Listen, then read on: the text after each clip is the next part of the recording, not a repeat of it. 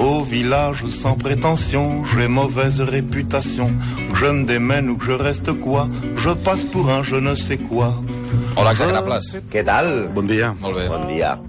Què com va? És que he portat la urna de plàstic eh, amb el meu mòbil això, a això dins. s'ha de poder obrir, eh? Això no... Jo Que no! Quan ho vaig sentir l'altre dia per la ràdio, Que no! pensava, pensava que era... Sí, l'ha carregat el mòbil, ara. Sí. Pensava que era una cosa obrir. molt més com- compacta. Oi, calla, que si trec les piles, ara què? Hòstia. Es quedarà parat per sempre o què? Sí, ai, ai, ai. No, no, no. no no. toquis res.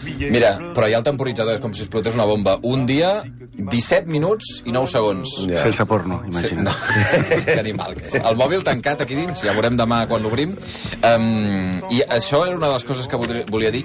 I la segona, de seguida us ho portaran, han vingut és que sempre que ens acostem per el dijous gras, ara us ho heu perdut perquè no ho heu trobat aquí, però eh, hi ha uns senyors d'uns embotits que no són família meva, Ah, no són família meva, però són embotits bondó. què dius, ara? T'ho dic en sèrio. Embotits no són família molt meva, no No són família meva, ja m'agradaria, diguem-ne, perquè l'imperi és considerable. Allò. Però, eh, però són, són, són encantadors, ens vam conèixer fa uns quants anys perquè van sentir un tal bondó per la ràdio, i cada any, des de fa, doncs, no m'equivoco, potser 5 o 6 anys, que a l'època del dijous gras eh, venen aquí a primera hora del matí i porten tot un lot perquè tota la gent de la ràdio pugui menjar botifarres, fuets, eh, en fi. O sigui, si aquests dies no n'heu estat tastant, d'aquí una estoneta podeu provar-los. Va, fantàstic, això, tu. A veure, bot, eh, va de botifarres avui o no? Home, hi ha un que sí, un que utilitza bastant, bastant la botifarra. No, però sí, m'han sí. dit que avui us fa mal. Avui fa mal, perquè realment avui fem una cosa que ens dol, que és vas- posar a caure d'un burro a, a un- una persona que admirem, no? Algú Aquest que... l'admireu especialment. Sí, perquè realment és un personatge fonamental per la història de la humanitat, no? És un, un escriptor, un filòsof que, que va canviar i que va posar els fonaments del que hauria de ser la, la, la modernitat, no? O sigui, estem parlant d'un dels principals pensadors de la història, o sigui, el, el, diguem-ne, el, el, el que va sentar les bases de la il·lustració, que pels de l'ESO no és aquests llibres de pinta i colorea, sinó era, una, era, era, burro. era un moviment eh, filosòfic, no? Eh, però és que també, a més a més de, de, de, de ser una persona admirable amb el seu, pel seu pensament, l'altura del seu pensament, era un estafador, un sàtir, un tèrbol, teixidor d'influències eh, polítiques, un antisemita i esclavista. Avui li traurem la perruca a François-Marie Aubé, que no sabeu qui és, però es diu Voltaire. My name is what? My name is my name is Sadie. Hi. My name is my name is what? My name is Sadie. Hi. My name is what? Excuse me. My name is it's name Sadie. Can I have the attention? Això és, és Voltaire? Això és Voltaire, sí. és la primera època. L'època blava de Voltaire blava de Voltaire. rapejava. Si és que per començar, i en rotllo Eminent es posa un nom artístic. Hi ha diverses teories. Que si és un anagrama del cognom de la mare, que si no volia que es confongués amb un altre poeta de l'època, que si ve del francès antic i volia dir volia fer-te callar, rotllo Neruda, A Voltaire podria ser... Sí, volia fer-te callar, Volia fer-te en, callar. en francès En antic. francès antic, Oh. sí. Jo crec que ell, com bon literat, va veure que sonava millor Rousseau, Montesquieu i Voltaire que l'horrible Rousseau, Montesquieu i Agüet. Com si fos al mig camp de Tiganà, Fernández, Girés i Platini. El quadrat màgic. A més a més, Aruet... Agüet? Agüet, és que és molt difícil. Agüet és és, molt difícil de difícil de pronunciar, pronunciar sí, sí. en altres llengües. I això és fonamental. Aquí tenim el cas de la nostra Voltaire particular. Es deia José Gómez Romero i seguint l'exemple del filòsof va posar Diango. Ja, ja triomfar.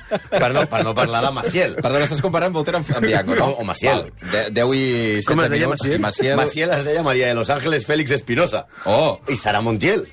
Com... Maria Antonia Alejandra Vicente Elpidia Isidora Abad Fernández. Sí, hi ha, hi ha una tradició. Però després ja anirem a coses més serioses. Abans anem al sàtir, que és l'important, perquè no crec que hi hagi cap dubte, estem a favor.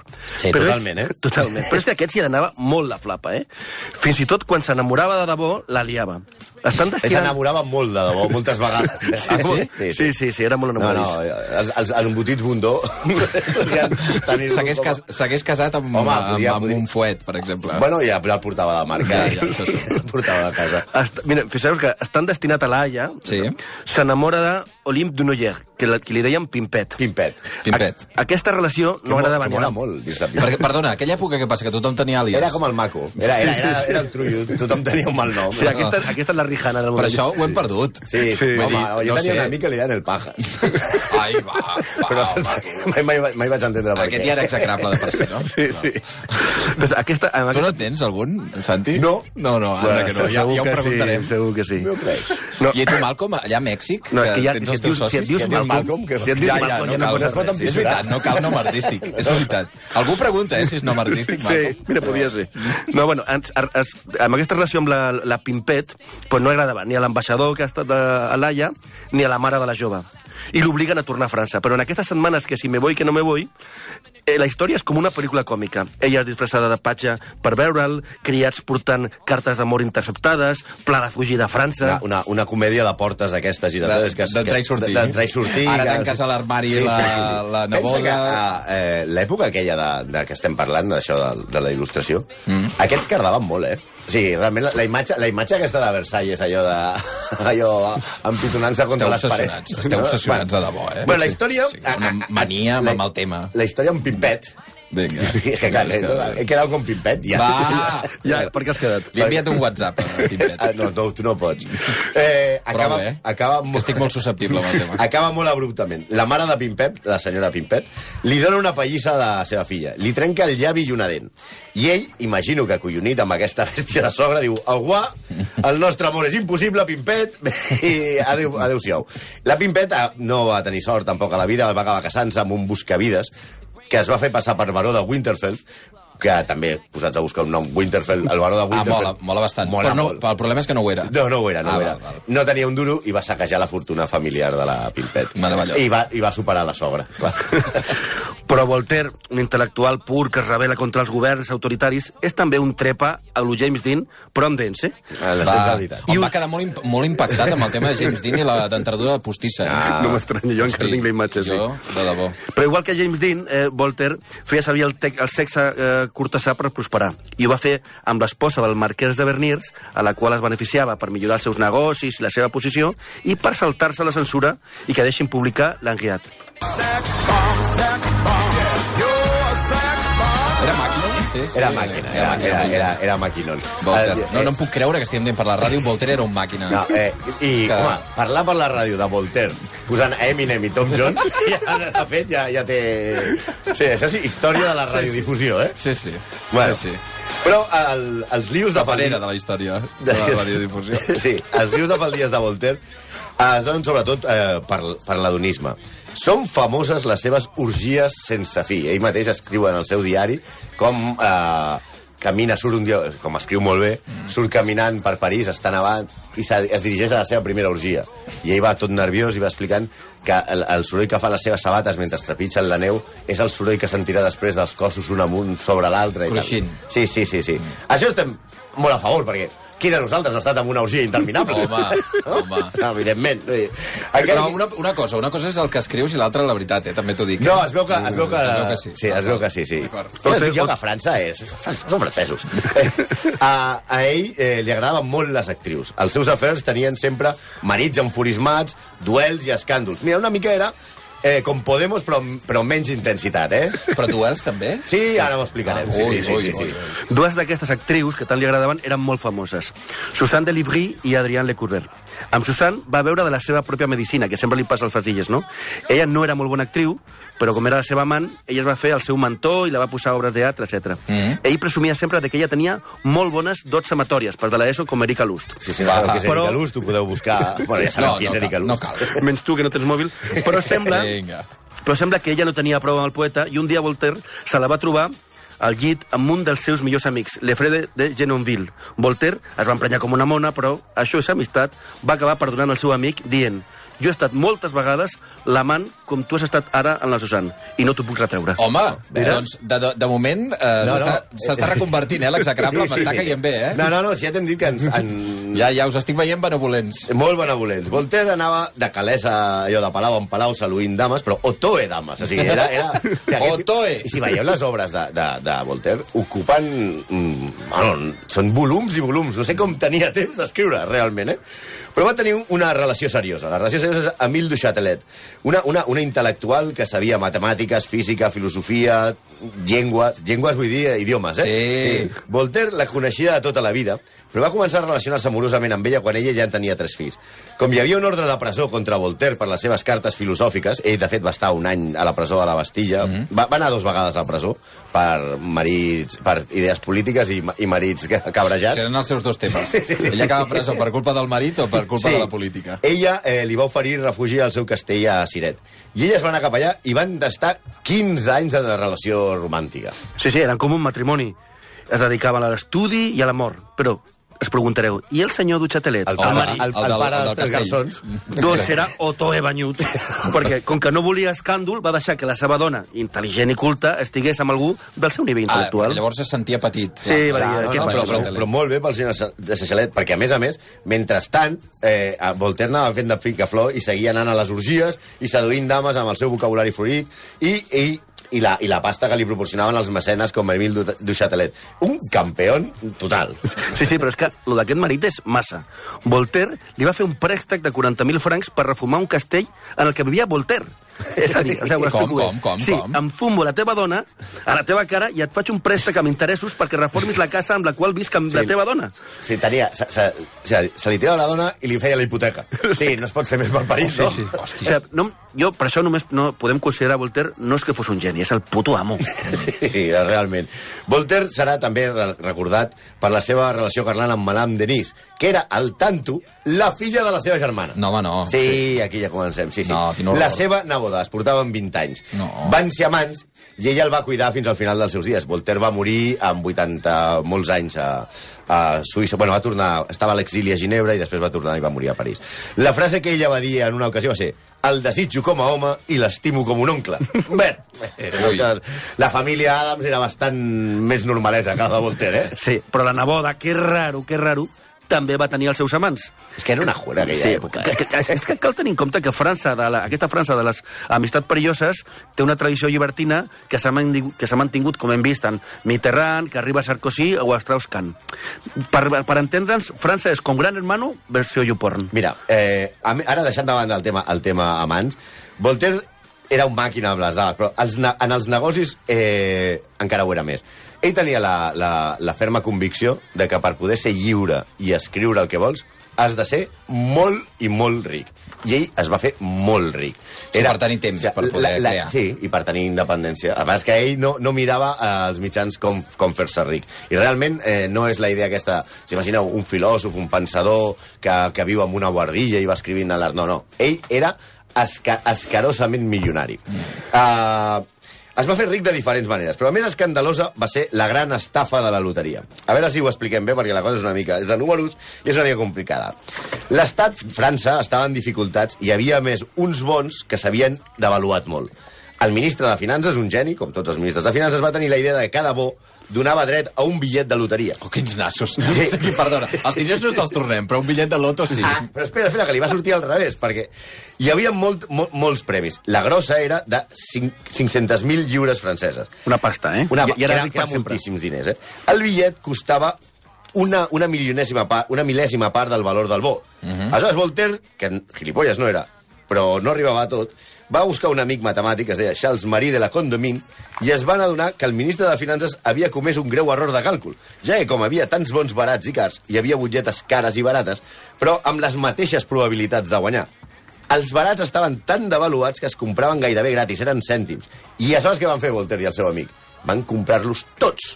Tots els els barats. bons de l'Estat. Tots els, tots els barats els van comprar Que era, tots. que era el 80% per Era res. el 80%. Sí, per la llei de probabilitats, eh, Era molt possible que els hi toqués la I què loteria, va passar? però... Vamos. els hi va tocar. els hi va tocar. Realment, eh, eh, ell va guanyar pues, una milionada en la loteria eh, assegurant-se que, que guanyaria. I aleshores, a més a més, va, i a partir d'aquests diners va fer una fortuna immensa. El geni del ministre, per cert, no sabem, no sabem què va passar amb ell, Oh, però... però- no sé si li van fer obrir bànquia o una cosa d'aquestes, eh? Però és bastant bo, perquè és, és una d'aquelles decisions de... Com me'n surto d'això? Era, doncs, doncs, que es quedin bitllets de loteria. Clar, Home, clar. però calcula una mica, calcula. I tens a Voltaire i el matemàtic i diuen, hòstia, aquests tios són tontos. La, la veritat és que a Voltaire no se li escapa cap negoci, eh? perquè era molt bo amb els préstecs amb interessos leonins, però sobretot era bo, però que molt bo, amb tràfic d'influències. I no feia falta ser el gendre del rei. Yo soy aquel negrito Ahí, del ya África tropical A veure. que Bueno, cultivando evidentment. De què? Sí, ja m'ho imagino. Abans heu parlat d'esclavistes. Bueno, Bueno, posar la cançó del Colacau per parlar de... Aquí està, clar. On es, quin era el, el, el gran negoci? O sigui, la venda d'armes, la venda de drogues i la venda de persones. Pues ell realment... O sigui, ell era un esclavista? Sí, ell, es- ell s'havia queixat de les condicions dels esclaus eh, perquè considerava que el problema no era, no era l'esclavisme en si. Ell considerava que els esclaus estaven bé, però se'ls havia de tractar bé. O sigui, que, que no Ja. volia és que els paguessin. Amb carinyo, sí, Amb sí. carinyo, sí. Està bé que existeixi, però, eh, però no els pagueu. suau. Sí, exacte. Que així, així, així, Sí, van, no cal- no cal- així van més motivats a treballar. No cal que tinguin drets, però com a mínim Ja, eh, exacte. ben vestits i perfumats, si pot ser sí, Sí. i que estiguin tranquils. Perquè, bàsicament, ell eh, va invertir en portar esclaus a Estats Units i va, i va guanyar una gran fortuna, va augmentar la seva fortuna eh, amb això. O sigui, que ell criticava l'esclavisme però hi participava. És una mica com quan Jaume Matas parla vehement d'acabar amb la corrupció, no? Acabem amb tota, però no amb la meva, eh? A veure, no la toqueu. Per cert, un altre, un altre mm, apunt per la secció, la microsecció de frases apòcrifes. O sigui, l'altre dia dèiem que la de James Dean, de Vive Rápido, muy... Sí. que no la va dir en castellà, no sé per què l'estic traduint, que de fet tampoc la va dir. Eh, la frase de Voltaire, aquesta, que, Que se li ha atribuït i que no és que veritat. és aquesta que diu estic en desacord amb el que dius però defensaré fins a la mort del teu dret a dir-ho. Ai, sí. Que, que, que la diu tothom. Junqueras, sí. Pues no la va dir Voltaire. No la va dir Voltaire? No, la va dir Evelyn Beatrice Hall, i va ser al segle XX ja. Oh. Sí, tampoc el Nacho Vidal de la tolerància ho era del tot. Escolta, però aquesta comparació jo de debò... Bueno, eh? el, el, bueno, ja se m'acudirà un altre. Encara que alguns ho atribu... encara que alguns ho atribueixen al seu caràcter antireligiós, dels jueus va dir perles com per què els jueus no hauran estat antropòfags, pels de l'ESO caníbals? Hauria estat l'única cosa que hagués fet falta al poble de Déu per ser més abominable de la Terra. O aquesta Hosti. altra perla.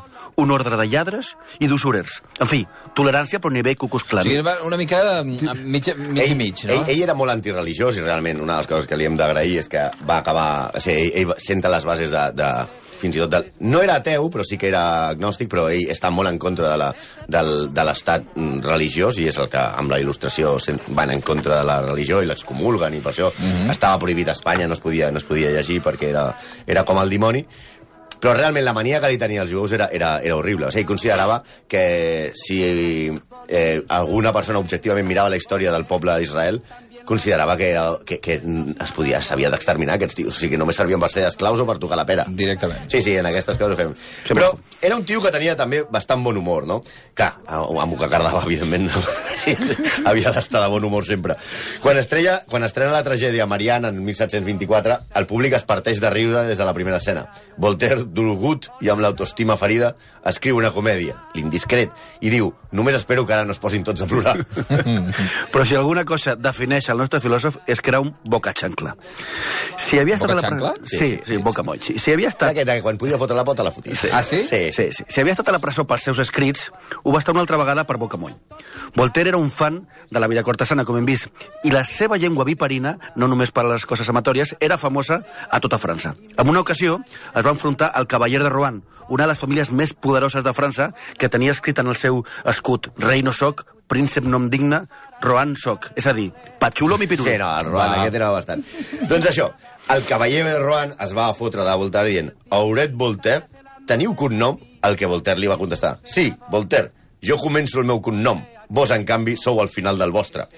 Això, això eh, que sembla... Això el va ofendre molt el senyor Rohan, que li va, va dir a Voltaire, mira, no passa res, vine a casa a dinar i ho arreglem. Li va enviar un cotxe, va arribar Voltaire a casa seva, i quan va baixar de... va entrar en el palau, hi havia sis lacais d'aquests que li van, li van pagar una païssa tremenda mentre ell ho mirava des del carruatge, no? Cap dels poderosos d'amics de Voltaire vol enfrontar-se a Rohan. I Voltaire, aleshores, què fa? S'apunta a classes d'esgrima per Oh. reptar en duel al cavaller. Rohan, molt xulito, però anava amb els sis, que això, s'acolloneix i aconsegueix que el fiquin a la presó i que després l'envien a Anglaterra des- desterrat amb un ordre d'allunyament que diu que serà detingut si es troba amb menys de 50 llegües a la cort. Sí o no? Sí, això és una mica la versió forocoches del regnat de, del, del segle XVIII, eh? Sí, la veritat és que no tothom estimava a Voltaire. Després de la seva mort, Mozart va escriure una carta. Probablement ja sabràs que la teu Brètol, Voltaire ha mort com un gos, com un animal. Ja té el seu merescut. Sí, Mozart. si l'has cagat et farem a l'ex- No. Avisem a Mozart, eh? L'has cagat. Sí? Sí, sí, sí. sí. Mozart execrable? Sí, Bé, farem un Mozart. Oi, oi, oi. Bé, a veure, jo, jo, crec que algunes coses es poden trobar de Mozart. Home, sí, i tant. Però vaja, haureu de justificar-ho bastant, eh? Com a Voltaire, que se us ha... jo crec que se us ha notat, eh? Sí, Que l'admireu- és que ja ve, bastant, eh? com, no, com, com no estimava Voltaire? Passen dos minuts de dos quarts de dotze del matí i màgicament, amb l'entrada de Voltaire, han entrat els uh, productes bundós. de, de Can Bundó. Uh, insisteixo, eh, per la gent, no són família, però vaja, són no, encantadors. no, molt bé. Ens porten No, no. aquí una mica de fuet, una mica de botifarra Molt blanca, bona pinta botifarra d'ou i una mica de formatge. Impressionant, eh?